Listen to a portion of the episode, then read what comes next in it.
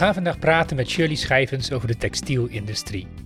Shirley is eigenaar en vijfde generatie van familiebedrijf Schijvens Corporate Fashion. Zij maken kleding voor merken zoals onder andere Albert Heijn, De Kruidvat, McDonald's en nog veel veel meer.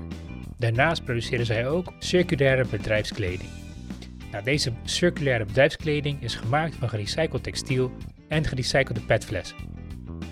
Shirley neemt ons mee in hoe kleding wordt gemaakt, hoe de industrie er op dit moment uitziet. Ze deelt daarnaast ook haar visie op circulariteit. En wat ik persoonlijk mooi vind aan haar visie is dat ze verder kijkt dan alleen maar de bottomline.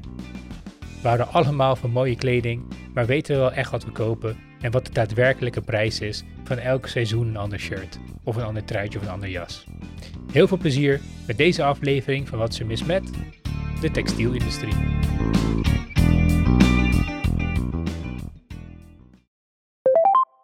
Welkom Shirley. Hey Misha. Hey, hey. Leuk dat je er bent. Ik ben vandaag echt super enthousiast om te praten met jou over circulariteit.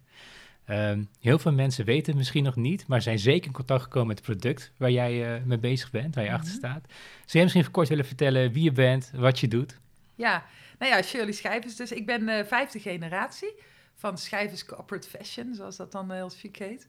Eh, wij zijn een confectiefabriek, oorspronkelijk eh Hilvarenbeek. Ehm daar hebben wij eh, vijf generaties lang vanaf 1863 bedrijfskleding gemaakt. En inmiddels eh, maken we dat niet meer in Hilvarenbeek zelf, maar daar zit nog wel een team van eh 30 collega's. Ja, die regelen eh bedrijfskledingproductie eh, eigenlijk in heel de wereld. Eh, waaronder in een, ons eigen atelier in Turkije.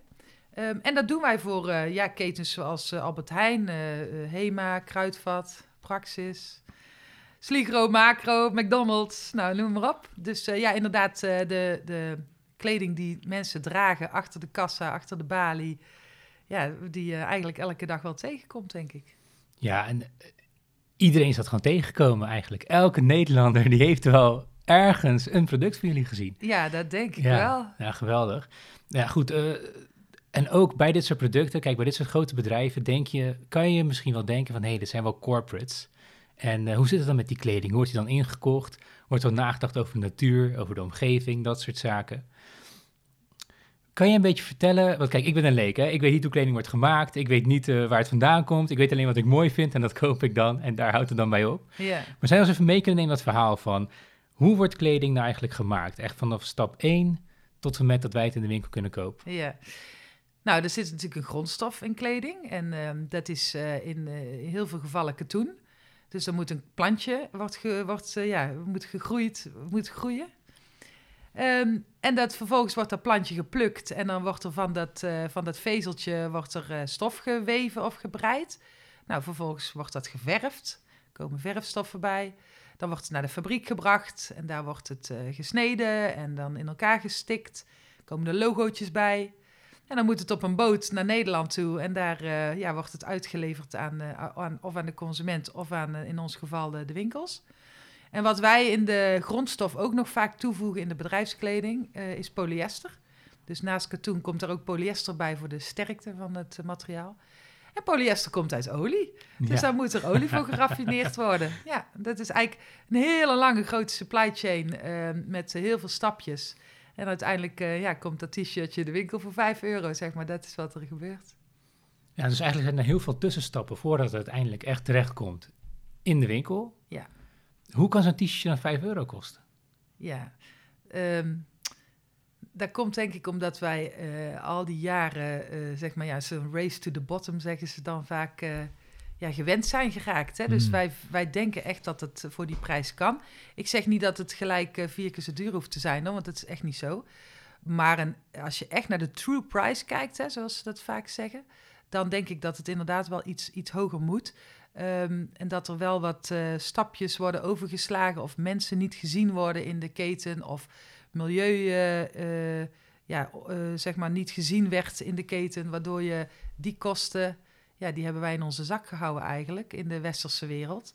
Door de, ja, door de, doordat we dat gewend zijn geraakt. Doordat eigenlijk ons verteld is dat het allemaal wel kan. En ik geloof eigenlijk niet dat het, dat het zo, zo laag kan zijn. Nee, want eh, hoe wordt er nog winst op gemaakt? Ik bedoel, dan, dan moet er toch ergens... waar worden die kosten dan gedrukt, vraag ik me af. Zijn dat dan de productiekosten die dan worden gedrukt? Ja, zeker. Ja, oké. Dus uiteindelijk de, de bij Ja, wijze van, die is de dupe. wordt, die is de dupe van dat wij... Ja, ik geloof namelijk niet dat eh, per se de, de winst... Ik denk dat er namelijk heel veel winst gemaakt wordt in, in Mhm. de fast fashion industrie. Wij zitten in de bedrijfskleding, dus dat is wel echt iets anders dan de fashion, denk ik. Omdat wij, eh, wij zijn sowieso een kostenpost hè, voor bedrijven, voor, de, voor het bedrijf die onze kleding dragen. Dus daar wordt echt wel goed nagedacht over uitgaven. Mhm, En in de mhm. fashion is dat iets anders, omdat je daar veel meer te maken hebt met marketing, met status. Hè? Dus dat, daar, komen andere values bij kijken of mensen bereid zijn om iets te betalen voor het product. Maar dat wil nog niet zeggen dat het brand, de brand, het merk zelf dat per se betaalt in de keten. Daar zit wel een verschuiving in. Hè? Dat er is echt wel wat meer eh, bewustwording, eh, ook bij brands, bij grote merken van kleding. Ehm, ja, om dat beter te doen, om, om, om meer inzicht te krijgen in die keten.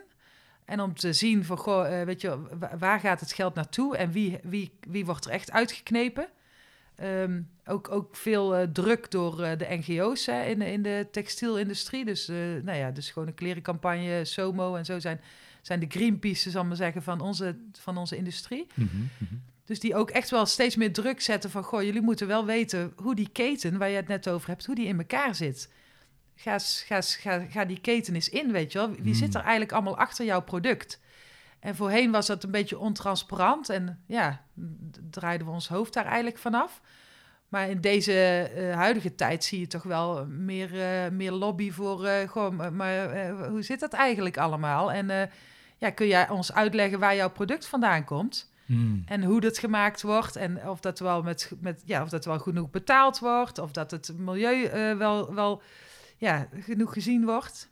Ja, dus dat is wel ten goede natuurlijk. Ja. Want hoe werkt het dan met... Stel je bent een wie, even als voorbeeld. En je hebt daar een designer zitten die ontwerpt dan een stuk kleding. Mhm. Ehm, gebeurt dat vaak centraal, zo'n ontwerp? Hoe werkt dat bijvoorbeeld? Nou, bij, wij hebben gewoon ontwerpers in dienst. Oké. Dus eh, ik, ik praat dan even voor mezelf, want ik ken natuurlijk niet hoe Nee, het bij alle anderen Ja, gaat. ja. Maar wij hebben gewoon twee ontwerpers in dienst. En die denken dus wel na nu over bijvoorbeeld een product wat, wat beter is voor het milieu. Ja. Of om circulair product te maken. Dat, dat noemen ze dan in het Engels weer design for circularity. Bla, bla, bla. maar goed, dat is wel logisch natuurlijk. Als jij, hoe makkelijker het design in elkaar zit, hoe makkelijker je het uit elkaar kunt halen, eh, des te beter is het voor een circulariteit. Want elke eh, handeling die je moet doen om een product te recyclen, elke handeling meer, kost meer geld. En als het Mm. meer geld kost, is het per definitie ja, een, een eh, ja, mindere win voor, het, voor, de, voor de overredingskracht aan de consument om een Mhm. circulair artikel te kopen. Dus daar moet je over nadenken. En daarnaast kost het ook energie natuurlijk. Hoe, hoe meer als je een rits eruit moet knippen, kost meer energie dan dat je die rits er niet in had zitten, waardoor je het meteen in de shredder of in de smelt kon gooien, bijvoorbeeld. Hè? Dus daar moet je over nadenken. Dus design is echt wel belangrijk geworden. Is, ja, niet alleen voor de look. Maar ook gewoon voor de circulariteit. Ja, Ja. Eh, Oké, dus dan heb je zo'n design. Nou goed, die design is af, die is goedgekeurd, iedereen is helemaal blij mee. Dan gaat die design naar een van de fabrieken toe. Mhm. Eh, stel, ik ben een, eh, een medewerker in zo'n fabriek. Hoe werkt dat? Krijg ik dan een design voor mijn neus? En dan die mensen die krijgen dan, ja, die weten gewoon hoe ze dat in elkaar moeten knutselen? Of hoe, hoe, hoe werkt dat? Ja, er zijn in de fabriek wel vaak allemaal mensen die een stukje van het eh, artikel maken. Dus je hebt, het is eigenlijk een soort lopende band, hè? Met, met allemaal machines achter elkaar. Dus eh, ja, het gaat eh, achteraan gaat de productie de band in, om het Ja, zo ja, maar te ja. zeggen. En dan, ja, elke naaimachine die geeft zijn plukje wat hij klaar heeft door aan degene die voor hem zit. ja. dat is echt zo. En dan uiteindelijk aan het einde van de band komt het eruit. Het, en dan is het artikel bij wijze van spreken klaar. Of dan moet er nog, weet ik veel, knoopjes aangezet worden Hmm. of wat dan ook. Maar ja, dat is, het is eigenlijk een soort lopende band van mensen. Oké. En dus iedereen doet zijn eigen stukjes. Eentje doet de rits, eentje doet de mouw, eentje doet iets anders. En uiteindelijk aan het einde van de lopende band, dan komt daar het eindproduct uit. Klopt. Oké. Die wordt dan ingepakt, die gaat in een doos en die komt dan bij wijze van naar Nederland. Ja. En, en die productie van hetzelfde product, die kan plaatsvinden in verschillende landen, in verschillende fabrieken ook. Ja, Ja, de reden dat ik het ook vraag is omdat ik zit- probeer me gewoon in te beelden in, in een, eh, even nog niet bij jullie, maar inderdaad bij een, bijvoorbeeld een Wie of, of een ander groot merk. Mhm. Eh, je vertelde net voordat we gingen opnemen, ja, die hebben soms duizenden fabrieken. Mhm. Maar goed, dan heb je dus een design, die gaat dan uit naar misschien wel honderden fabrieken voor, voor dat ene design. Ja, ga daar maar controle over houden of zo. Want hoe, ik kan me voorstellen dat voor zo'n merk dat natuurlijk een onwijze opgave wordt om dan bij elke leverancier na te gaan, die checkbox na te gaan van hoe doe jij dat en is het kwalitatief goed, hoe behandel jij je mensen? Ja, dat is inderdaad heel veel werk. En het is ook niet zo dat ze dan duizenden fabrieken in de eerste lijn hebben, hè? want de eerste lijn is, is het naaiatelier. Oké. Maar daarachter zit dus de, de, de doekleverancier, hè, dus de stofproducent. Mhm. En daarachter zit dus de ververij. En daarachter zit dus de katoenboer. Dus ehm, als elke fabriek zeg maar ook weer tien leveranciers heeft van stof... dan hebben die tien leveranciers van stoffen... die hebben ook weer tien leveranciers van verf... Mhm. eh, eh, ververijen, zeg maar, waar ze mee samenwerken. Want niemand... De meeste hebben niet gewoon maar één eh, toeleverancier. Want dat is natuurlijk best wel... Dat is tricky, ja. Als je als ondernemer maar één toeleverancier hebt... ja, gebeurt iets met die toeleverancier en weg ben je. Of de toeleverancier heeft Chinees nieuwjaar, eh, zit er, is een maand dicht. Of heeft Ramadan, is een maand dicht. Dus je moet wel een beetje natuurlijk wat meerdere leveranciers... maar de meeste hebben er dus heel veel... waardoor je eigenlijk een soort ja, uitwaaier-effect krijgt. Dus per lange les heb je dan een soort piramide Mhm. van, van allemaal leveranciers die erachter hangen. En als je dan wil weten wat er allemaal in die keten eh, speelt, ja, dan moet je dus al, al die lijntjes gaan volgen om, eh, om invloed te kunnen uitoefenen op jouw keten. En dan kun je dus beter zeggen, goh, hebben we heel die piramide wel nodig? Kunnen we niet Hmm. beter... Ja, ik, nou, wat ik net al zeg, ik ben geen voorstander van één leverancier, maar ja, misschien kun je wel een beetje terug, zal ik maar zeggen. Mhm. En dat maakt het wel makkelijker, ja. En ik denk ook dat je daardoor veel beter partnership krijgt met je eh, ja, leveranciers. Als jij namelijk meer... ehm, als je al jouw leveranciers... Of zeg maar, als je maar met een klein deel verder gaat... dan heb jij jouw omzet, wordt ook over dat kleinere deel verdeeld. Waardoor je dus belangrijker wordt voor die leverancier. Mhm. Waardoor die meer geneigd zal zijn om samen met jou dingen te gaan verbeteren. Want als je maar 1% in de fabriek doet, ja, en jij wil heel die fabriek gaan verbeteren, dan denkt die fabriek, ja, het is wel goed, maar jij doet maar 1%. Ik ga niet voor jou, eh, weet ik veel, nieuwe brandblussers neerzetten. Maar ja, als jij 30% doet, dan denkt hij, nou, dat is ja, grote klant, ik moet daar wel naar luisteren, snap je? Dus Ja. ja, dan kom je, krijg je, ja, zo heet het in het Engels, krijg je meer leverage. Waardoor ja. je toch ja, wel wat meer voor vol wordt aangezien. En dus verbeteringen kunt eh, doorvoeren met elkaar. Ja, weet je, volgens mij sla je daar echt de spijker op zijn kop. Want wat er natuurlijk gebeurt is op het moment dat jouw bedrijf groeit en het wordt steeds groter, dan krijg je inkopers in je bedrijf. Ja, en, die gaan toch wel kijken van ja, maar kan het ook ergens goedkoper? Kan het ergens efficiënter? Je krijgt hele mooie beloftes van andere potentiële partners. Die hebben orders die gevuld moeten worden. Ja, dan gaat die machine wel heel hard. En, eh, maar goed, dat is misschien ook een beetje onderliggende thema hierin, wat ook in circulariteit terugkomt. Ze willen altijd heel snel. En we willen altijd heel snel groeien ook. Maar is dat altijd nodig? Ja, ik ben sowieso niet zo'n voorstander van groei. Omdat ik denk dat dat eh, altijd, als de ene groeit, dan gaat het ten koste van de ander. Weet je, er moet een bepaalde balans zitten, denk ik, in Hmm. dingen. En in de natuur groeit er ook van alles, maar in de herfst valt het weer, weet je. En dan recycelt het zichzelf in de grond en dan komt het daarna weer terug. Dus dat is een, dat is een soort ook rondpompsysteem. Dat is eigenlijk ook een heel circulair systeem. En als je nu bijvoorbeeld ziet groei, als je bijvoorbeeld denkt aan bevolkingsgroei, ja, dat is natuurlijk wel een, een, een, heikel punt, vind ik. Hmm. Dat als je ziet hoe hard onze bevolking aan het groeien is de laatste tientallen jaren. Ja, weet je, je kunt geen, eh, je kunt geen, geen uitbouw aan de planeet zetten, zal ik maar zeggen. Dus ja, het wordt letterlijk gewoon te vol. En dat zie je dus nu bij het coronavirus heel duidelijk. Die anderhalve meter, ja, die kunnen we bijna niet meer houden straks. Want je hebt zoveel mensen, dus waar, waar blijft dan die ruimte? Ehm, dus groei is in dit geval helemaal niet zo goed. En als deze groei bij een ander dierenras zou optreden, dan zouden wij met z'n allen gaan jagen om, om, om die balans in de natuur weer terug te krijgen. Maar bij ons, ja, sluiten we onze ogen. Dus groei, ik, ja, ik vind dat niet per definitie goed. Nee, goed, maar je wil wel als bedrijf toch commercieel groeien?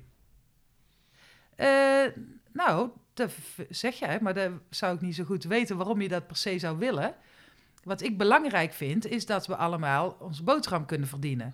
Want dat is eigenlijk wat je dus, ja, wat je de, waarom je werkt. Je werkt omdat je, ja, je moet in je levensonderhoud voorzien.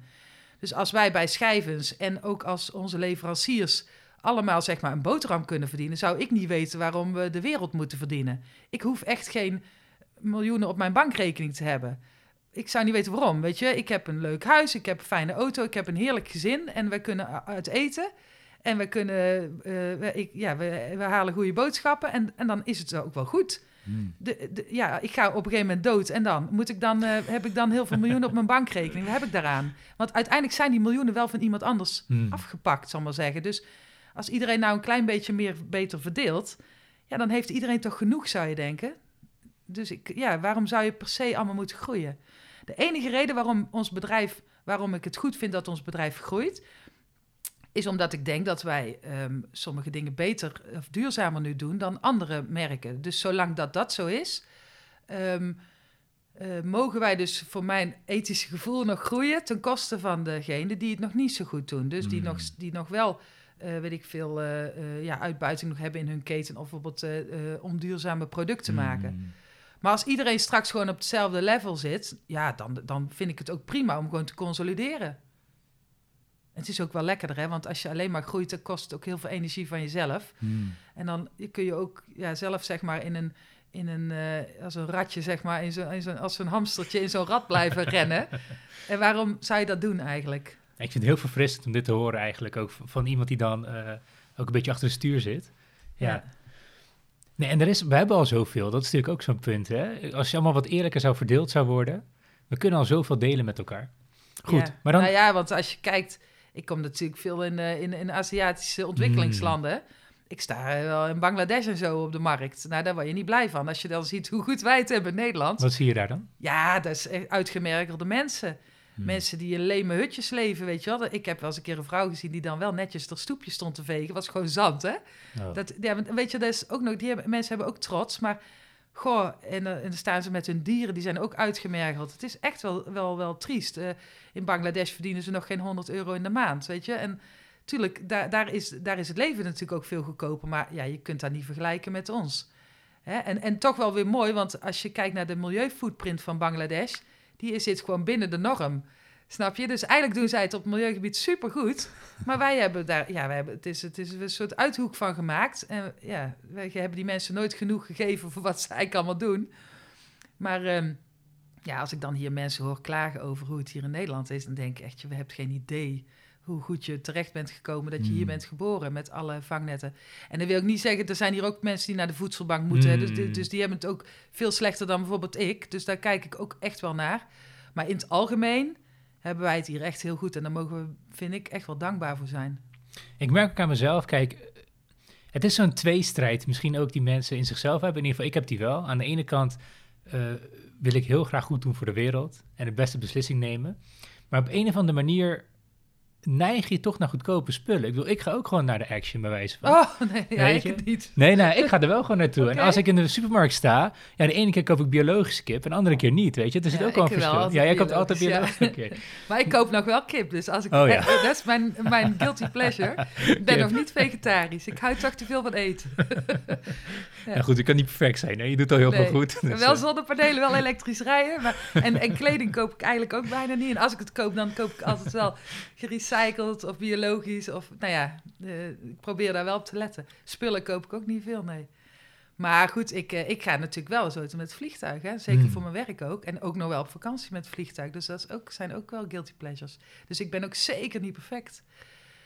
Helaas. Dus wat dat betreft is COVID wel goed. Dat we niet meer kunnen vliegen en zo. ja, en in Nederland hebben we ook een beetje natuurlijk... veel mensen toch wel koopjesjagers. Hmm. En we vinden het heel leuk om in aanbieding te kopen. Bijvoorbeeld een mooi voorbeeld is, je ziet wel eens, eh, als je bijvoorbeeld naar een kruidvat gaat of naar een andere drooggisterij, dan eh, eh, zie je wel eens aanbiedingen staan. Hmm. En wij Nederlanders, wij kopen heel graag als het in de aanbieding is. Als het 2 voor 1 is, of 30% korting, dan kopen wij het. Hmm. Terwijl in Duitsland, daar ze, kijken ze veel meer naar gewoon een goed prijs. Daar vinden ze een aanbieding een beetje verdacht. Dus dan gaan ze eerder naar de winkel waar gewoon een goed prijs staat ten opzichte van een aanbieding. Mhm. Dus er is iets in onze cultuur waardoor wij een beetje aanbiedingsgeil zijn. Wij, Ja. willen, die, wij willen die aanbieding, wij willen dat, dat koopje, weet je. Dat, dat, dat- die goede deal, die willen wij. Ehm, ja, het is wel lastig. Je, je kan één t-shirt kopen voor 30 euro. Of je kan er vijf kopen voor 30 euro. Ja, wat, wat ga je dan doen? Eh, Ik denk dat ook dat een van de problemen daarin is, is, is zeg maar inzichtelijk, wat Ja. gebeurt er eigenlijk met dat geld? Ja, Waar gaat het naartoe? Waarom is deze t-shirt nou 5 euro Ja. en deze 30 euro? Ja. En naar wie gaat die missende 25 euro? Dan gaat het naar het merk, gaat het toch naar de, eh, naar de persoon die, die, die, de t-shirt voor jou moet maken? Gaat het naar die katoenplukker? Naar wie gaat dat nou? dat is dus eigenlijk het belangrijkste wat er is. Transparant maken van die kostprijs. Ja. En ehm, daar doen wij inmiddels wel al een, eh, ook alweer een paar jaar met onze klant er ook bij. Dus eh, ehm, eh, we maken de hele kostprijs vanaf het garen tot Mhm. en met uiteindelijk welke winst wij willen maken bij schijvens. En al die stapjes daartussen. En dan Mhm. zeggen we tegen de klant gewoon, dit is het artikel wat je gekozen hebt. En als hij dat te duur vindt, om wat voor reden dan ook, dan kun je gaan kijken in die kostprijs van, goh, waar kunnen we er dan uithalen? Hmm. Bijvoorbeeld, ehm, hij heeft het volle servicepakket bij schijvers, hij wil het bij ons op voorraad leggen. Nou ja, misschien moet je dat niet doen, dan scheelt het je weer, weet ik veel, eh, kwartje. Hmm. Ehm, of eh, hij heeft er drie logootjes op zitten. Goh, misschien moet je één logootje weglaten, scheelt weer een kwartje. Dus, maar dan ben je met argumenten aan het kijken naar zo'n kostprijs. In plaats van dat je zeg maar een soort handjeklap doet van dat t-shirt mag maar een tientje kosten. Ja, maar wie zegt dat? Waar wordt het t-shirt gemaakt? Dat is heel Hmm. belangrijk. Eh, in Turkije liggen de lonen vijf keer zo hoog eh, dan in eh, Pakistan. Dus als jij snel je productie wil hebben en je kiest voor Turkije, ja, dan zul je mo- moeten accepteren dat die mensen daar gewoon een hoger loon krijgen. Hmm. Daar, daar kun je niet tegen ingaan, weet je. Het is gewoon een minimumloon kwestie. Dus ehm, als je snapt hoe een prijs opgebouwd is, dan kun je ook keuzes maken. En wij zeggen dus tegen de klant gewoon... Dit is de standaard kostprijs van het artikel. Maar willen we het in recycled, dan, dan is dit dus de extra toevoeging. Dus dan komt er hele eh, riedel aan calculatie bij van het terugsturen van de, of terughalen van de kleding van oude afgedragen kleding. Of eh, het, dan uiteindelijk het shredderen, weet je. Dus het hele Mhm. recycleproces komt er dan bij. En ook zeg maar de, de, de, dat het garen uiteindelijk minder kost omdat je je eigen grondstoffen als het ware teruglevert.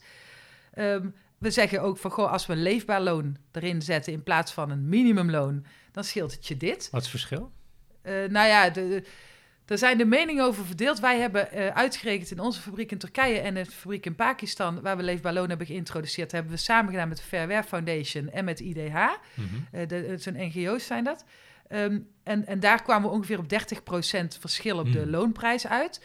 Dus eh, dat betekent omgerekend voor een t-shirtje eigenlijk, weet ik het, twee dubbeltjes of zo. Het scheelt eigenlijk niet eens heel veel, in ieder geval voor onze portemonnee. Twee dubbeltjes is in Pakistan heel veel geld natuurlijk, maar voor Nederland ja, zou je kunnen denken, als dat het verschil maakt, ben je dan niet geneigd om dat te betalen. Want als je dan weet dat het goed terecht komt. Je moet dan wel zorgen dat niet heel de keten daarachter ook nog eens marge gaat zitten maken op die, op die twee kwartjes extra. Of eh, sorry, die twee dubbeltjes extra. Want als dat gebeurt, dan wordt uiteindelijk twee dubbeltjes wordt uiteindelijk toch nog een euro op het Hmm. eindproduct. Hmm. Maar goed, d- dat n- gezegd hebbende, die 30% Ja, ik denk dat als ik daar... Er zijn ook wel weer mensen die zeggen... het moet eigenlijk 60% zijn of soms wel 100% Ehm, eigenlijk is die hele discussie over hoe hoog moet nou het loon zijn... aan de andere kant van de wereld... is nu op dit moment echt wel gaande. En er worden, ja, er, er worden eigenlijk allerlei data eh, eh, boven tafel gehaald... van wat kost nou een pak melk eh, in, nou, in Bangladesh... wat kost de huur in Turkije... wat kost transport in, in China... Want al die kosten moet je bij elkaar optellen. Wil je kunnen bepalen wat iemand eigenlijk in zijn levensonderhoud minimaal nodig heeft om, eh, ja, om fatsoenlijk te kunnen leven. Nou, en dan kun je daarnaast ook nog bedenken, van, goh, dan heb je het over één iemand, maar diegene heeft misschien een gezin. Hmm. En in hoeverre rekenen we dan één kostwinnaar of twee kostwinnaars? Ik ben voor vrouwen-empowerment. dus ik, ik vind eigenlijk dat we meerdere kostwinnaars in een gezin moeten rekenen, omdat we op die manier vrouwen ja, stimuleren om ook te gaan werken. Wat ik goed vind voor de wereld. Want Mhm. als vrouwen gaan werken, dan gaan ze niet de hele dag thuis zitten en eh, veel kinderen maken, waardoor die bevolkingsgroei misschien weer naar beneden kan. Snap je dat er meer zelfbeschikking komt? Dus ik zie daar wel ergens een soort eh, lijntje lopen naar, eh, naar bevolkingsgroei. En ik vind het ook gewoon belangrijk dat er balans is in de wereld tussen mannen en vrouwen. Dus ik, ik hou natuurlijk ook van, van. Ik hou zelf ook van werken en uitgedaagd worden intellectueel. Dus ik hoop dat alle vrouwen in de wereld die dat zouden willen, daar ook de kans toe krijgen. Hmm. Ja. En, en dan een brutale vraag, Shirley. Waarom dan kijken naar, de, naar het land daar? Waarom niet volgens Nederlandse normen uitbetalen? Ja, eh daar is nou de discussie die ik heb met onze medewerkers in Turkije. ja. Eh, nou ja, in ieder geval met het managementteam had ik daar discussie over. Want eh, die krijgen dus sowieso wel meer dan de mensen in de, op de werkvloer, of zeg maar in de Mhm. band. Hè, zo werkt het nou eigenlijk. In Nederland krijgen managers vaak ook wat meer betaald dan, weet ik veel, mensen aan de lopende band. Alleen, zij zeiden dus ook, ja, maar we willen volgens Nederlandse norm betaald. Hmm. Of we willen, jullie, jullie in Nederland hebben een minimumloon van, eh, wat is het, 1650 euro of zo. Eh, ja, dus daar willen wij ook. Terwijl hun minimumloon ligt op eh, nou, 350 euro of zo omgerekend.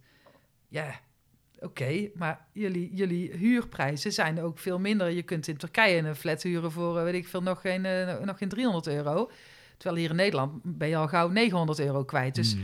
Ja, dat is natuurlijk de koopkracht. Je moet wel Hmm. economisch na blijven denken, want anders dan zitten ze daar straks als een soort van god in Frankrijk in Turkije. dat kan. Dat zou ik heel graag doen. Ik zou het liefst iedereen eh, de wereld betalen. Alleen uiteindelijk wordt dat, worden die loonkosten natuurlijk verrekend over het t-shirtje wat uit Hmm. Turkije komt. En als dat t-shirtje nu al, het is nu al eh, veel de helft duurder dan uit Pakistan. Dus ik moet nu soms al mijn best doen voor mijn medewerkers in Turkije om te zorgen dat ik hier in Nederland dat t-shirtje kan verkopen. Mm. Maar als die loonkosten ook nog eens zouden stijgen naar een Nederlandse maatstaf, ja, dan kost dat t-shirt in één keer 40 euro. Maar daar gaat niemand meer kopen. Dat is dus niet meer in verhouding. Dan word je eruit geconcurreerd. Toch? Ja. ja. Dus het is zo dat je eh, in heel de wereld natuurlijk verschillende koopkrachten hebt nog. Ja, of je dat allemaal op één hoop kunt gooien. Ik, nou, dat vind ik de, wel een. Dat lijkt me, lijkt me zo in basis niet. Maar dat het iets meer naar elkaar toe kan, daar, daar geloof ik wel. Ja. Nou goed, ik ben geen econoom, dus ik heb geen idee hoe nee, dat verder... kijk ook niet. Ik ben altijd goed in talen. Dus ik- je vraagt me eigenlijk dingen ja, ja, ja, die ik nee, maar goed. puur op, op eigen gevoel baseer. Dat is ook een hele brutale vraag. Maar goed, wel even mijn nieuwsgierigheid. Kijk, ik denk, de de onderliggende gedachte is natuurlijk heel erg goed. Ehm, streven naar eerlijkheid en streven naar... We hoeven niet altijd te groeien. Ja, groeien is goed als het iets faciliteert. Als daarmee de wereld een beetje beter wordt. Ja. Maar als je moet groeien en daardoor wordt die taart steeds kleiner... Ja. Ja, waarom dan groeien, weet je Oh, dat is wel mooi, die taart. Zo zeggen wij dat ook altijd tegen Oh, onze leveranciers. Ja, dat is heel grappig.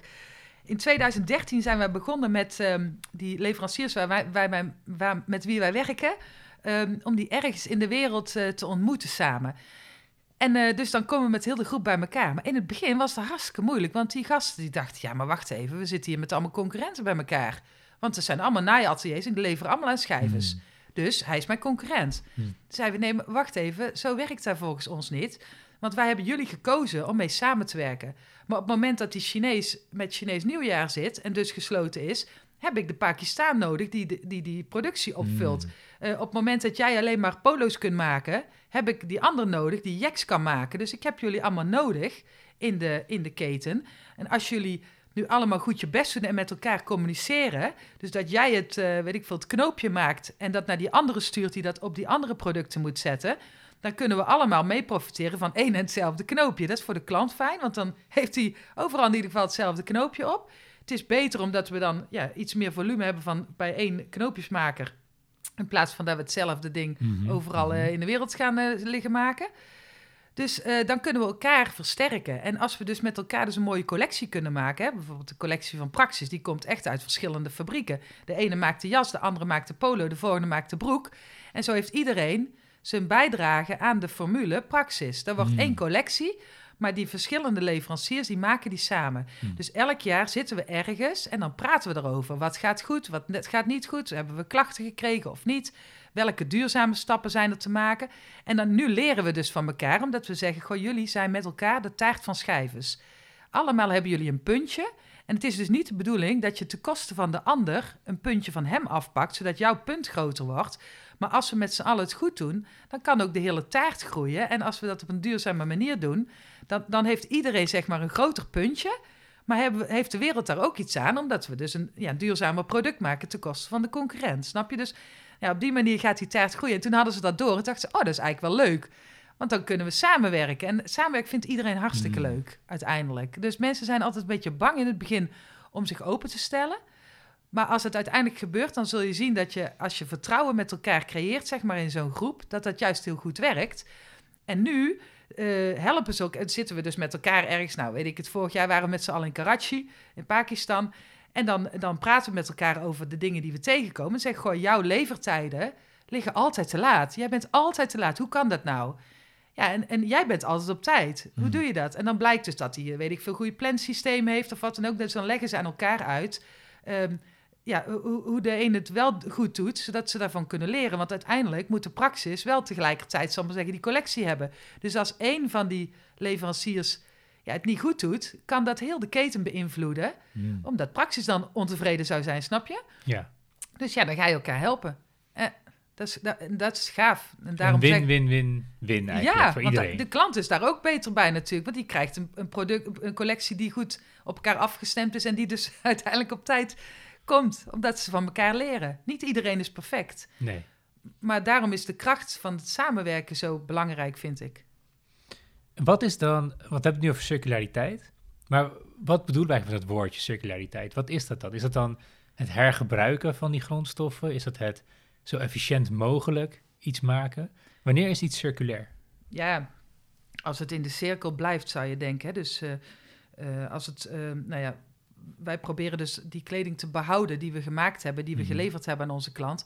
En de klant die, wij halen dat weer terug bij die klant. Dus de klant is eigenlijk een soort grondstofleverancier geworden van ons. Dus die zit gewoon vol bij ons in de cirkel. Hè? Dus het is niet meer Loop zoals... me even doorheen, dat vind ik interessant. Dus oké, je hebt iets gemaakt, dat heb je super efficiënt, slim, eh, hè, met goede parts heb je dat gemaakt. Dat komt bij de klant. Nou, laten we zeggen een Albert Heijn bijvoorbeeld. Ja, En eh, eh, zo'n dame achter de kassa, die draagt dat dan. Ik weet niet hoe lang, wat is de looptijd van zo'n... ja eh, een jaar, anderhalf jaar toch wel. Ja, zeggen een jaar. Ja. Die draagt het een jaar en dan komt het eigenlijk weer terug bij jullie. Dan gaat het in een zak misschien, ja in klopt. de recyclezak. Ja. En eh, die gaat dan terug naar jullie toe. Wat Ja. gebeurt er dan ermee? Ja, dan komt het bij ons op het magazijn aan. En dan sorteren die jongens bij ons op het magazijn die kleding op kleur. Ja. Eh, en op kwaliteit, hè, dus 100% polyesterkleding, daar kan je smelten. Dus dat gaat in een andere bak dan de, dan de katoen Mhm. bijvoorbeeld, eh, Mhm. die, die weer geschredderd wordt, nou, et cetera. En dan uiteindelijk sturen we dat terug naar Turkije. Daar werken we samen met een recyclaar. Mhm. En die vervezelt dan die spullen of die smelt die spullen. En die maakt daar weer nieuw garen van. Die mengt daar wel weer wat bij. Dus die mengt daar bijvoorbeeld eh, gerecyclede polyester bij. Of eh, snijafval, hè, wat, wat dus zeg maar tijdens de productie al afval is. Omdat het, ja, je snijdt een tekening uit. nou, is misschien heel technisch, maar jouw blusje wordt uit, een, uit, de, uit, uit stof gesneden. En aan de zijkanten van de stof ja, is er, zit er niks meer, dus daar valt er af. Dus heb je dan van die reepjes eh, over, zeg maar. Nou, dat is nog niet gewassen natuurlijk, maar dat is al wel afval, want het is al wel geverfd en gemaakt en zo. Dus vroeger werd daar weggegooid en nu inmiddels zijn de fabrieken wel zo ver dat ze dat recyclen. eh, Waarom voegen ze dat toe? Is dat om de stof weer stevig te maken? Ja. Of is dat, ja. Omdat dat natuurlijk nog niet een jaar gedragen is. Dus Ja. uiteindelijk denk ik dat het bijna onlogisch is als je een kledingstuk een jaar draagt en wast en zo, dan is het dan natuurlijk al een stuk gesleten, Hmm. versleten.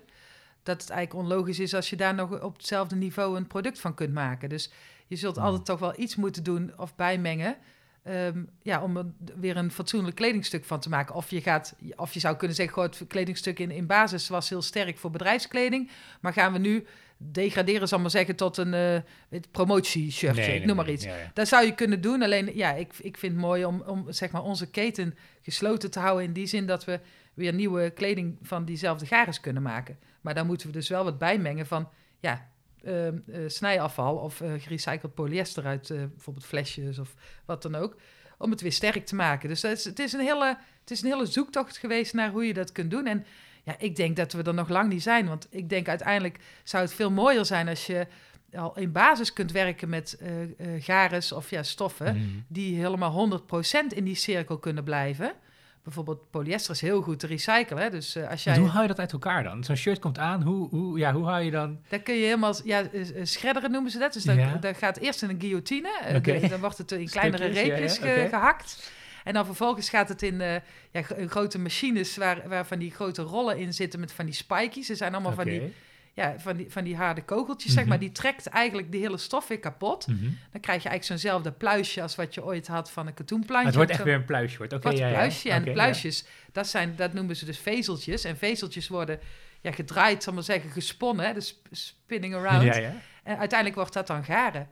Dus dat is, ja, het, is, het is eigenlijk hetzelfde vezeltje als dat je... het Dus hij gaat door de versnipperaar, daar komen, even heel plat gezegd, er komen pluisjes uit. En die pluisjes worden weer opnieuw gesponnen als eigenlijk verse nieuwe garen. Ja. Daar worden dan van een andere stof, bijvoorbeeld polyester of verse katoen of wat dan ook, weer aan toegevoegd.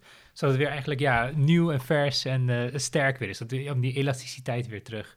Ja, dat je er weer een fatsoenlijk t-shirtje van kunt maken. En soms al zie je ook nog wel, zeg maar, van die pikkeltjes, zeg maar, in de stof. Oh, hè? ja, dus, ja, ja, eh, ja. wel- ja, maar goed, eh, ik vind dat wel leuk. Dat hoort een beetje bij recycling. Ik vraag me ook, binnenkort ook, moet ik, moet ik ergens eh, zijn met scholen en zo. En dan, dan was de vraag van, goh, heb je nog vragen? Ja, dan ben ik dus benieuwd in hoeverre de consument ehm, eh, een stap kan maken... moet ik zeggen, een compromis kan sluiten. Hmm. Dus in hoeverre wil je, bijvoorbeeld eh, bij biologisch vlees heb je bijvoorbeeld dat je, nou, heb je een prijscompromis, je moet er iets meer voor betalen. Hmm. Ehm, maar bijvoorbeeld eh, in, in mode zou het kunnen zijn, goh, ben, je, ben je bereid om een t-shirtje aan te doen waar je misschien af en toe van die pukkeltjes in ziet, omdat het gerecycled is, weet je? Of moet het allemaal shiny en perfect, weet Ja, het voelt voor mij alsof er wel, als er een verhaal achter zit, dat we wel bereid zijn dat te doen. Nou ja, jij dus blijkbaar wel en ik ook. Maar ik vraag me dus af Ah, eigenlijk in hmm. hoeveel, hoeveel procent van de wereld is daar bereid toe? Ik heb geen idee, hè? dat weet ik niet. maar Nee, dat, is misschien een interessante vraag. Ehm, want ik vind dat we best wel eens een keer... eh, nou ja, ik zal een ander voorbeeld zeggen. Eh, wij hebben, maken bijvoorbeeld zwetvesten, hè? van die, van die Mhm. jogging sweat Mhm. zal ik maar zeggen, voor vestjes. En voorheen eh, werd die bij ons ook altijd geruwd aan de binnenkant. Dus dan krijg je dat zachte, wat je bij Ja, ook een beetje hebt. Dat harige. Ehm, alleen dat doen we niet meer, want de Plastic Soup Foundation die zegt nou, die microvezels die in die wasmachine komen en uiteindelijk in de riool komen, komen ooit een keer in de oceaan terecht. Mhm. En dat is niet goed voor, de, ja, voor, de, voor het leven in de oceaan.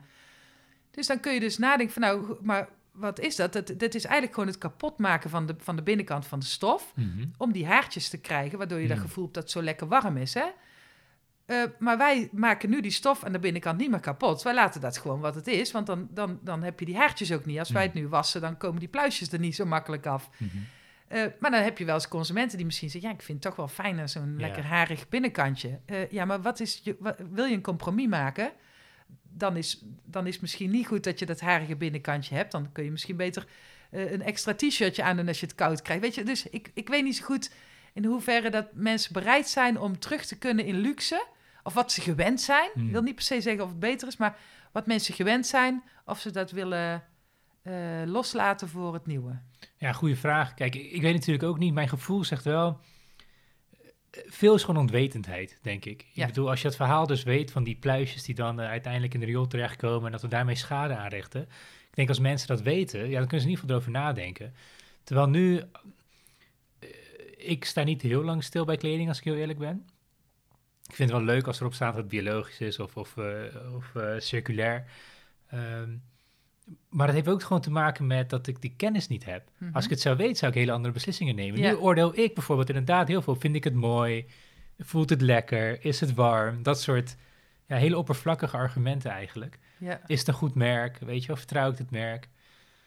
Ehm, ja, dat verhaal. Maar wa- wat weerhoudt dan de industrie of de wereld van die verhalen delen? Ik bedoel, waarom? Je hebt nu al een labeltje aan de binnenkant van je kleding waarop staat of het, wat voor materialen het zijn, waar het is gemaakt. Waarom staat daar bijvoorbeeld niet ook op hoeveel, hoe is die waardeketen verdeeld? Hoeveel verdient, hoeveel procent van wat ik nu betaal gaat naar de naaier? Hoeveel procent daarvan gaat naar, eh, Ja. gaat naar het merk? Nou, dat komt wel steeds meer. Dat is dus Hmm. die transparantie in de keten. Ja. Alleen waarom het er nog niet in heeft gestaan, denk ik, is omdat heel veel bedrijven simpelweg nog niet weten hoe het in elkaar zat. Ehm, de bedrijven die bijvoorbeeld bij ons textielconvenant zijn aangesloten, hè, wat is, dat is, minister Ploemen heeft dat een paar jaar geleden in het leven geroepen. En daar is ongeveer de helft van de markt bij aangesloten. Die zijn inmiddels verplicht om, om dat wel te weten. Dus eh, die bedrijven zouden in principe al kunnen communiceren. En er zijn er ook veel die het doen. Hè. Wij communiceren veel op onze website. Eh, maar zo zijn er ook heel veel andere goede voorbeelden te vinden. Eh, G-Star, We, eh, Hema. Zo zijn bedrijven die echt wel veel al communiceren. Mhm. Zeeman, ook een heel belangrijk merk dat veel doet aan communicatie op duurzaamheid. En ook inderdaad in de kostprijscalculatie laat zien en zo. Ehm, dus eh, ik denk dat het de onwetendheid niet alleen bij de consument was, maar ook bij de merken zelf. Mhm. En ik denk ook dat de overheid hier een rol in heeft om eh, A, te zorgen dat zo'n convenant doorgezet wordt, zodat in ieder geval die helft die al goed bezig is, eh, door kan ermee. Maar ik denk uiteindelijk ook dat er misschien zelfs wetgeving moet gaan komen Mhm. om ook die andere helft mee te trekken, die dus ook moet zorgen dat hij inzicht heeft in zijn keten en dat ook steeds meer gaat communiceren naar de Mm. consument, zodat er eh, een keus gemaakt kan worden voor een duurzaam product of niet. Ik bedoel, je kunt consumenten niet per se opleggen wat ze kiezen, maar je, precies wat jij zegt, als er geen bewustzijn is bij de consument of ze kunnen het simpelweg niet terugvinden, ja, dan is dat lastig. Nou, en, en ook daar heeft de overheid denk ik een rol in om ook eh, met labels te komen die greenwashing tegengaan. Hè? Dus Mhm. dat je echt duidelijk, ja, er zijn zo verschrikkelijk veel keurmerken, maar wat moet je nou als consument volgen?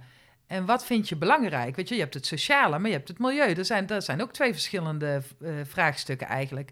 Dus hoe kunnen we nou straks, in, ook in de textiel, een duidelijk... Ja, ik vind bijvoorbeeld het, het, het dierenwelzijn van de drie sterren... vind ik een heel best wel een duidelijk teken. En daar kun je wel van alles weer van vinden. Maar ja, ik kijk daarnaar. Weet je, als Hmm. ik naar de supermarkt ga, dan zie ik of het, of het geen sterren heeft of dat het drie sterren heeft. Dus daar vind ik al heel duidelijk. Zoiets hoop ik dat het voor de kleding er ook gaat komen. Zodat consumenten niet zo lang hoeven te zoeken. Naar, naar eh, ja, je kunt veel terugvinden bij Ranker Brand of op de website van het merk zelf. Maar, en bij op het convenant. Maar daar wil je niet. Je wil gewoon in één oogopslag kunnen zien als je in de winkel komt. Is dit een duurzaam product, ja of nee? Hm. Wat is A, wat is B? Welke keuze heb ik? Energielabel van de wasmachine. Super duidelijk. Ja. Groen tot en met rood, zal ik maar zeggen. Dus En het is, alles niet wat eens, het is niet eens kwaadwillend. Het is, was, was gewoon meer, denk jij, onwetendheid ook vanuit de industrieën. Dus Ja. bewegen nu ook meer naar transparantie. Want ze, ja... Nou, en ja, ik weet niet, ik kan me er niet helemaal in vinden, want ja, onwetendheid, kijk, eh, jij levert zo'n product, even merk X. Dus jij moet gewoon weten hoe dat gemaakt wordt. Dat is gewoon jouw verantwoordelijkheid. Het zeggen, ja, ik, ik koop gewoon een t-shirt uit Bangladesh. Ik weet niet waar, eh, Ja. wie dat maakt, maakt Ja. mij niet uit. Ja, dat vind ik wel heel, ja, ik weet niet. Ja, dat snap ik wat je zegt. Maar goed, misschien zit, maar nee, maar laat dat is te nou- makkelijk. dat is te makkelijk, toch? Of Mhm. niet? Ja, ben ik wel mee. Maar hoezo kunnen ze daar dan wel achter schuilen? Want ik bedoel, jij zegt dat niet voor niks. Waarom, waarom, hoe kan je wel denken dat het niet makkelijk is? Dus waar, hoe zou het logisch zijn dat zij dat niet weten over hun eigen product? Ja, ik weet het niet. Ik weet dat vroeger in... eh, mijn man bijvoorbeeld, die, eh, die werkt nu bij ons... maar die heeft voorheen ook eh, in, de, in de fashion gewerkt. En die zei, ja, dan zaten we in Bangladesh... en dan zaten al die inkopers gewoon in hun hotel. En dan kwamen daar dus de, de, de fabrikanten... kwamen daar naartoe, de agenten, zeg maar, van de fabriek. Vaak niet eens de fabrikant zelf... maar dan van die tussenpersonen. Ja, ja. Hij zei, ja, dan zie je dus gewoon die mensen de hele dag zitten daar te vergaderen. Dan, dan komen stoffenboertjes, die gooien daar de stoffen neer. En, eh, en, en, en daar is het dan. ja. Hij zei, maar ja, je moet eigenlijk naar zo'n fabriek toe. Je moet, je moet het ruiken, je moet het voelen, je moet het zien, weet je wel. Wil niet zeggen dat ze op het moment dat ze iets te verbergen hebben... dat ze het niet gauw ergens achter een deurtje stoppen. Ja, zo werkt het natuurlijk. Maar als je er überhaupt niet naartoe gaat... ja, dan werk je natuurlijk helemaal in de hand... dat een fabriek doet wat hij wil. Ehm, dus ja, ik, ik, ik denk dat daar eh, heel veel mis is gegaan in de fast fashion. Dat het ook gewoon te groot, te snel gegroeid is, te Mm. veel. Er is zoveel druk op die, eh, op die industrie gekomen. Leveren, ja. snel veranderen. Ja, eh, mode, mode, mode. Ja. Maar elke... Vroeger was het nog één keer of twee keer per jaar uitverkoop. Weet je wel? Nou is het voor het elke week uitverkoop. ja, dat gaat toch niet? Nee. Dat gaat nergens over. En daar hebben wij als consument net zo goed een steentje bij. eh, Sterker nog, als wij niet zo door waren gedraafd in ons consumeren... letterlijk consument, consumeren... Ja. Dan, dan was het ook zover niet gekomen.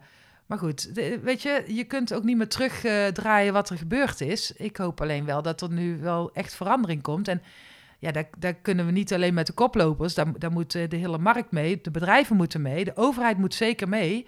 eh, zowel in, het, in, het, in, de, in de wetgeving als in het eh, bewustzijn van de consument.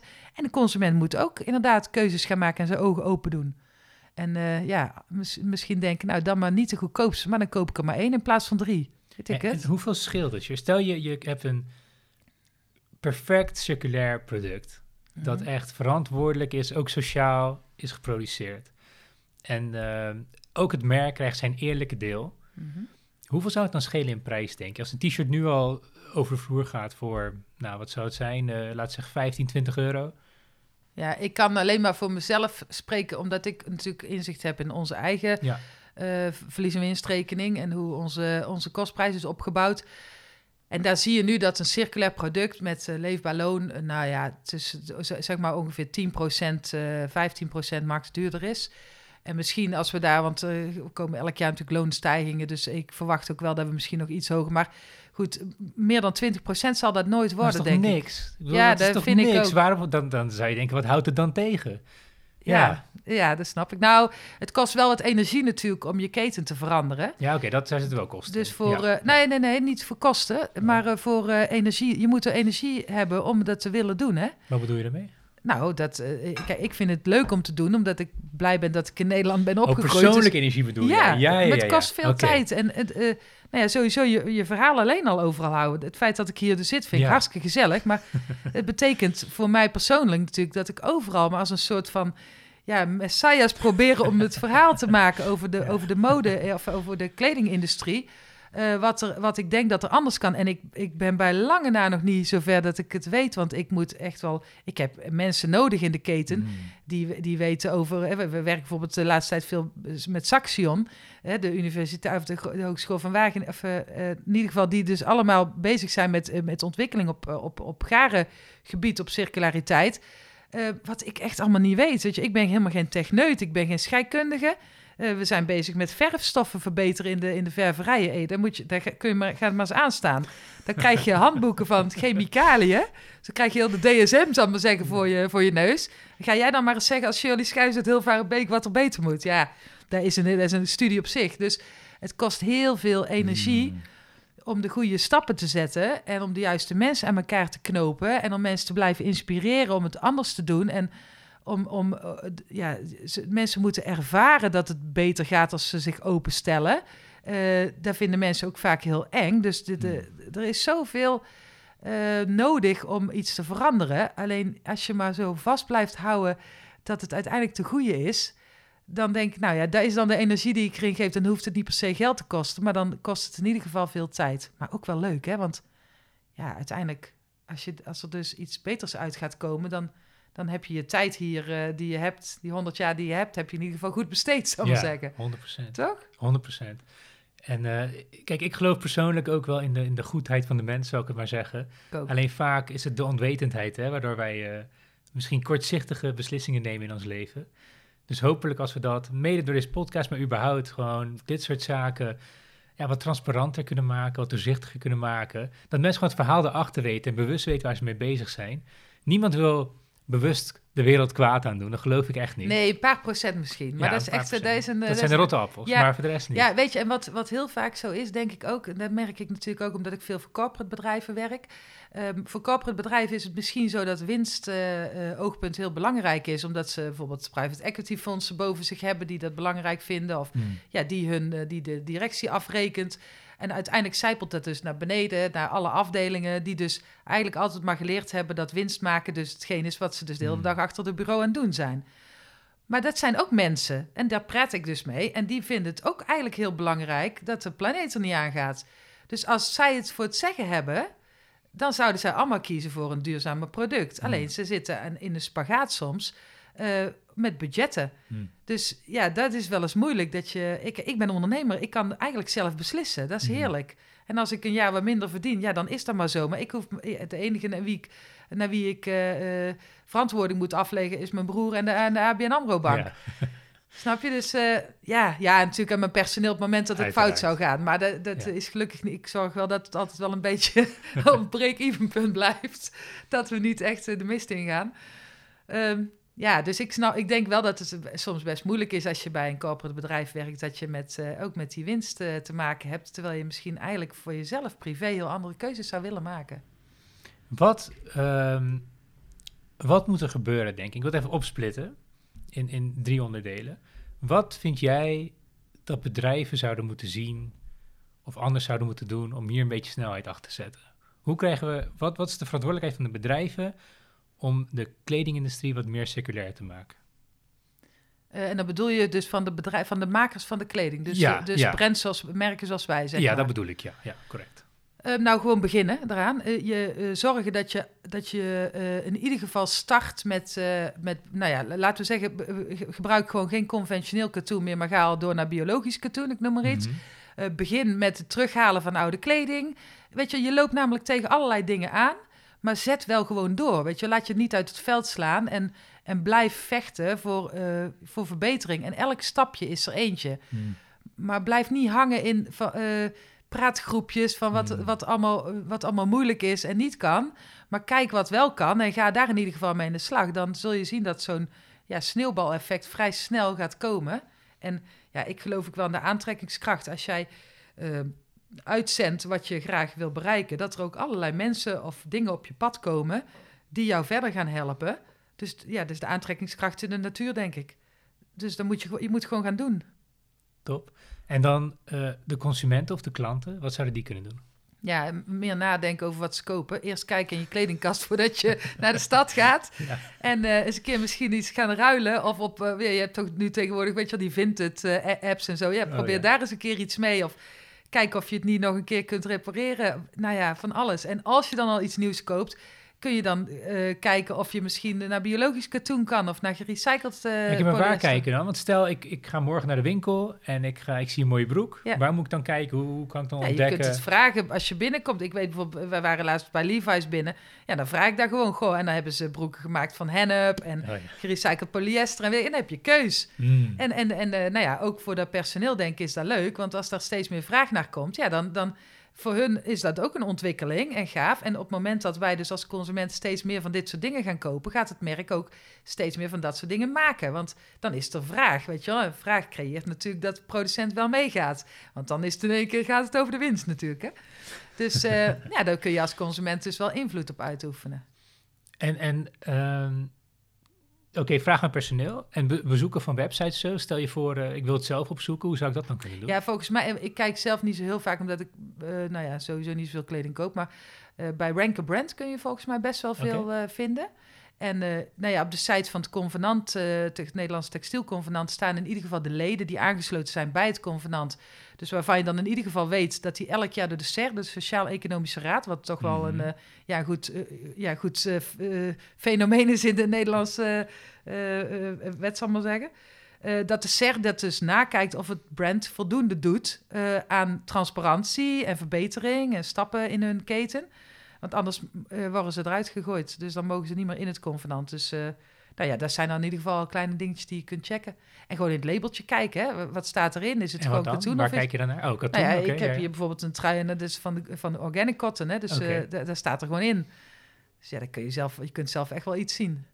Dus neem even de tijd om het verhaal achter de kleding ook te ontdekken eigenlijk. Ja. ja. En dan tot slot de, de overheid. Wat zou die kunnen doen, denk jij? Nou ja, die, die, ik denk dat die heel uh, belangrijk zijn in uh, het maken van goede wetgeving uh, om, om een gelijk speelveld te creëren. Kijk, op het moment dat wij bijvoorbeeld bij ons naar Leefbaar Loon gaan werken, mm. dan betekent het dat zo'n product duurder wordt. Mm. Um, nou ja, dat, dat kan best wel, als het maar een kwartje is, dan is dat op zich nog, nog wel te overzien. Maar ja, lonen stijgen steeds meer. En, en op een gegeven moment wordt dat misschien wel een euro op een mm. t-shirt van, weet ik veel, 5 euro. Dus dat is flink. Maar als een ander merk dat gewoon per definitie niet doet, of überhaupt zijn eigen niet houdt aan minimumloon, dan heb je ook kans dat er oneerlijke concurrentie komt. En daar kan een overheid natuurlijk wel een rol in spelen. Dat ze in hmm. ieder geval een, uh, zorg, zorgen dat er een wetgeving komt, dat, dat bedrijven net iets omhoog getrokken worden in hun duurzaamheidsbeleid. En dat er, hè, wat we dus nu met een convenant doen, dat misschien iedereen daar wel bij aangesloten moet zijn die op Nederlandse markt uh, uh, kleding verkoopt. Hè? Dus er zijn wel er zijn wel mechanismes uh, die de overheid uh, kan aanwenden. Uh, bijvoorbeeld de overheid is nu weer bezig met, de, met een, met een producentenverantwoordelijkheid. Dat wij als producent van kleding ook verantwoordelijk gaan worden, wellicht voor het terughalen van de kleding. En daar dus iets weer mee moeten doen. Hè, wat je dus ook al ziet bij apparaten of zo, elektrische hmm. apparaten. Um, dus dan stimuleer je eigenlijk door wetgeving dat de markt wel moet gaan nadenken over dat ze die kleding terug moeten halen. Dus dan zullen ze ook zorgen dat die kleding zo gemaakt wordt dat het zo makkelijk mogelijk weer gerecycled kan worden. Dan zit je met die kleding te kijken, snap je? Dus um, ja, en, en ik denk dat de overheid inderdaad aan bewustwording veel kan doen. Hè? Je had vroeger mm. van die sierenspotjes. Uh, nou ja, ik denk dat heel veel consumenten niet weten dat er zoveel water voor een t-shirt nodig is. Ik denk dat je daarvan schrikt als je dat soort dingen. Hoeveel water is er nodig? Ja, de is verschillend uh, in, okay. in, Maar laten we zeggen 3000 liter water toch zeker voor wel. Eén t-shirt? Voor één t-shirtje, ja. En dat is schoon water waar we het over hebben. Ja, dat is uh, dus bijvoorbeeld bij de katoenplantages, het groeien ja, van katoen. daar wel van, moet ik zeggen. Ja, dat is achterlijk veel, ja. Dat is echt ja. belachelijk veel. Ja. Maar dat heeft dus te maken met het groeien van het plantje. Ja, dat daarom de, de, zoveel... ja, uh, en het schoonmaken van het plantje. Je moet katoen eerst weer bleken voordat je het kunt verven, want er zit een soort van ja, harsachtig uh, materiaal op, waardoor de verfstoffen anders niet pakken. Dus uh, ja, koning Willem-Alexander was laatst bij ons op het bedrijf in september. Oh ja, oh, ja, en die weet natuurlijk veel over water. Dus die wist meteen ook te zeggen, ja, katoen, oh, ja. dat is eigenlijk een drama. Je hebt een uh, documentaire over het Aralmeer in uh, Oezbekistan. Okay. En dat meer was ooit net zo groot als, geloof, heel Ierland en Engeland samen. Zo echt mega. En daar is gewoon, daar is nog, nog geen 10% van over van dat meer. Omdat daar al die katoenplantages aan lagen. Mm. Dus die hebben heel dat meer leeggezogen. Ja, en dat is op zich tot daaraan toe. Maar als je dan vervolgens dat t-shirtje meteen weggooit of verbrandt... dan gaat dus dat, ook dat water wat ooit nodig is geweest... gaat dus verloren weer. En ja, weet je, dat is natuurlijk hartstikke zonde. Want als je ziet dat, uh, weet ik veel, in Zuid-Afrika uh, de boel uh, droog, aan het, droog trekt omdat onze water, eh, ons watermanagement, zal ik Ja. maar zeggen, wereldwijd niet helemaal goed gaat. Ja, dan is het toch wel zonde dat je denkt, goh, kan je dat t-shirtje niet wat langer dragen? Of kan je, kan je, dat niet, eh, kan je niet anders doen dan, eh, dan steeds maar weer eh, 3000 liter water eh, uit, eh, uit, eh, uit, eh, ja, uit de meren pompen? Ja, dat watervaar vind ik bizar. Ook als je hoort hoeveel water het kost om vlees eh, te maken. Ik denk echt, joh, waar halen we al het water vandaan? We drinken ook nog eens een keer allemaal. Ja, Eh, ja, nou ja, goed. Ja, het is echt. Maar ja, de- ook dat is dus bewustwording. Want, eh, nou ja, natuurlijk, jij weet dus dan van het vlees, ik weet van de textiel. Ik Ja. lees natuurlijk wel eens ooit een boek over, over dit soort dingen. Eh, maar heel veel consumenten hebben geen idee. Nee, Dus en daar zit, is de overheid natuurlijk belangrijk. Gewoon simpele spotjes. Of we zijn nu bijvoorbeeld bezig met de ABN AMRO eh, eh, eh, om, om een, een tool te maken, een game te maken voor de basisschoolkinderen. eh, om te laten zien wat ze voor keuzes hebben in duurzaamheid. Eh, ja, dat, is, dat zijn wel dingen dat je hoopt dat er in de nieuwe generatie in ieder geval bewustwording komt. Hmm. eh, of ze voor inderdaad een stukje vlees kiezen of voor een vegetarisch iets. En wat daar dan de impact van is. Ja, ik, ik ben ook in te beelden als ik naar een winkel ga en ik koop een t-shirt. Stel je voor dat daar een bak naast zit met duizend liter water. En er staat op, Ja. hé, Ja. zoveel water heeft het gekost om jouw t-shirt te Succes, maken. Nou, ja. daar ga ik wel over nadenken. Voel je maar goed als je Ja. de t-shirt koopt. Ja. Draag hem maar drie weken, ja, Ja. nee, ja, ja. Ja, daar is het. Dat, dat je uiteindelijk een t-shirt nodig hebt, dat is logisch. Weet je wel, Tuurlijk. we hebben, moeten ons beschermen tegen het weer. Maar eh, je kunt daar En je moet er ook inderdaad... leuk uitzien, laten we eerlijk zijn. dat hoort er ook bij. Ja. Dus, eh, dus, nou ja, het is hetzelfde. Je hoeft niet per se alles te ontzeggen. We hoeven niet terug naar de oertijd, zal ik maar zeggen. Ja, dat gaat ook bijna Nee. niet meer, denk ik. Maar eh, als je maar een beetje bewuste keuzes gaat maken. En eh, ja, ik ben echt zeker niet perfect, want ik eet heel graag vlees. maar ja, goed, ik, ik, ik probeer dan in ieder geval wel biologisch te kopen. Mm. Ja. Shirley, ontzettend bedankt. Ik vond het echt een heel leuk, leerzaam gesprek ook. Ik je hebt mij in ieder geval echt aan het denken gezet. Ja, lief. Ehm, als iemand met jou in contact zou willen komen, wanneer vind je dat fijn en hoe zouden ze dat kunnen doen? Eh, nou ja, ze kunnen altijd naar het bedrijf bellen. eh schijvers.nl en daar vind je onze contactgegevens. En dan eh, ja, ben ik daar altijd te vinden natuurlijk. Hè? Is, is er nog iets jij kwijt wilt over het onderwerp circulariteit? Eh, nee, voor nu heb ik, ben ik helemaal leeggelopen voor mijn gevoel. nou ja, top. We hebben veel behandeld. Ik hoop dat het echt mensen aan het denken zet. Het heeft mij niet van het denken gezet, dankjewel. En eh, ja, we hebben ook nog wat andere leuke topics eh, aangeraakt, zoals hè, misschien overbevolking of het andere topics. Dus wie weet doen we het nog een keertje. Maar ik vond het in ieder geval heel erg leuk. nou, dankjewel Misha voor deze kans. Graag gedaan.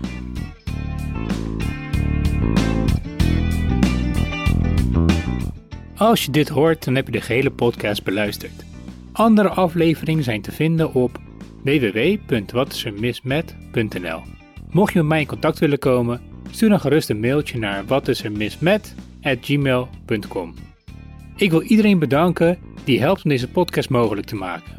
Dat zijn mensen zoals jij die luisteren naar de podcast, alle gasten die zo vriendelijk zijn om deel te nemen, iedereen die de podcast deelt en promoot en natuurlijk alle mensen die doneren of een abonnement afsluiten. Jullie maken deze podcast mogelijk en zonder jullie zou ik het niet kunnen doen. Ik hoop dat jullie van deze aflevering hebben genoten en tot de volgende keer.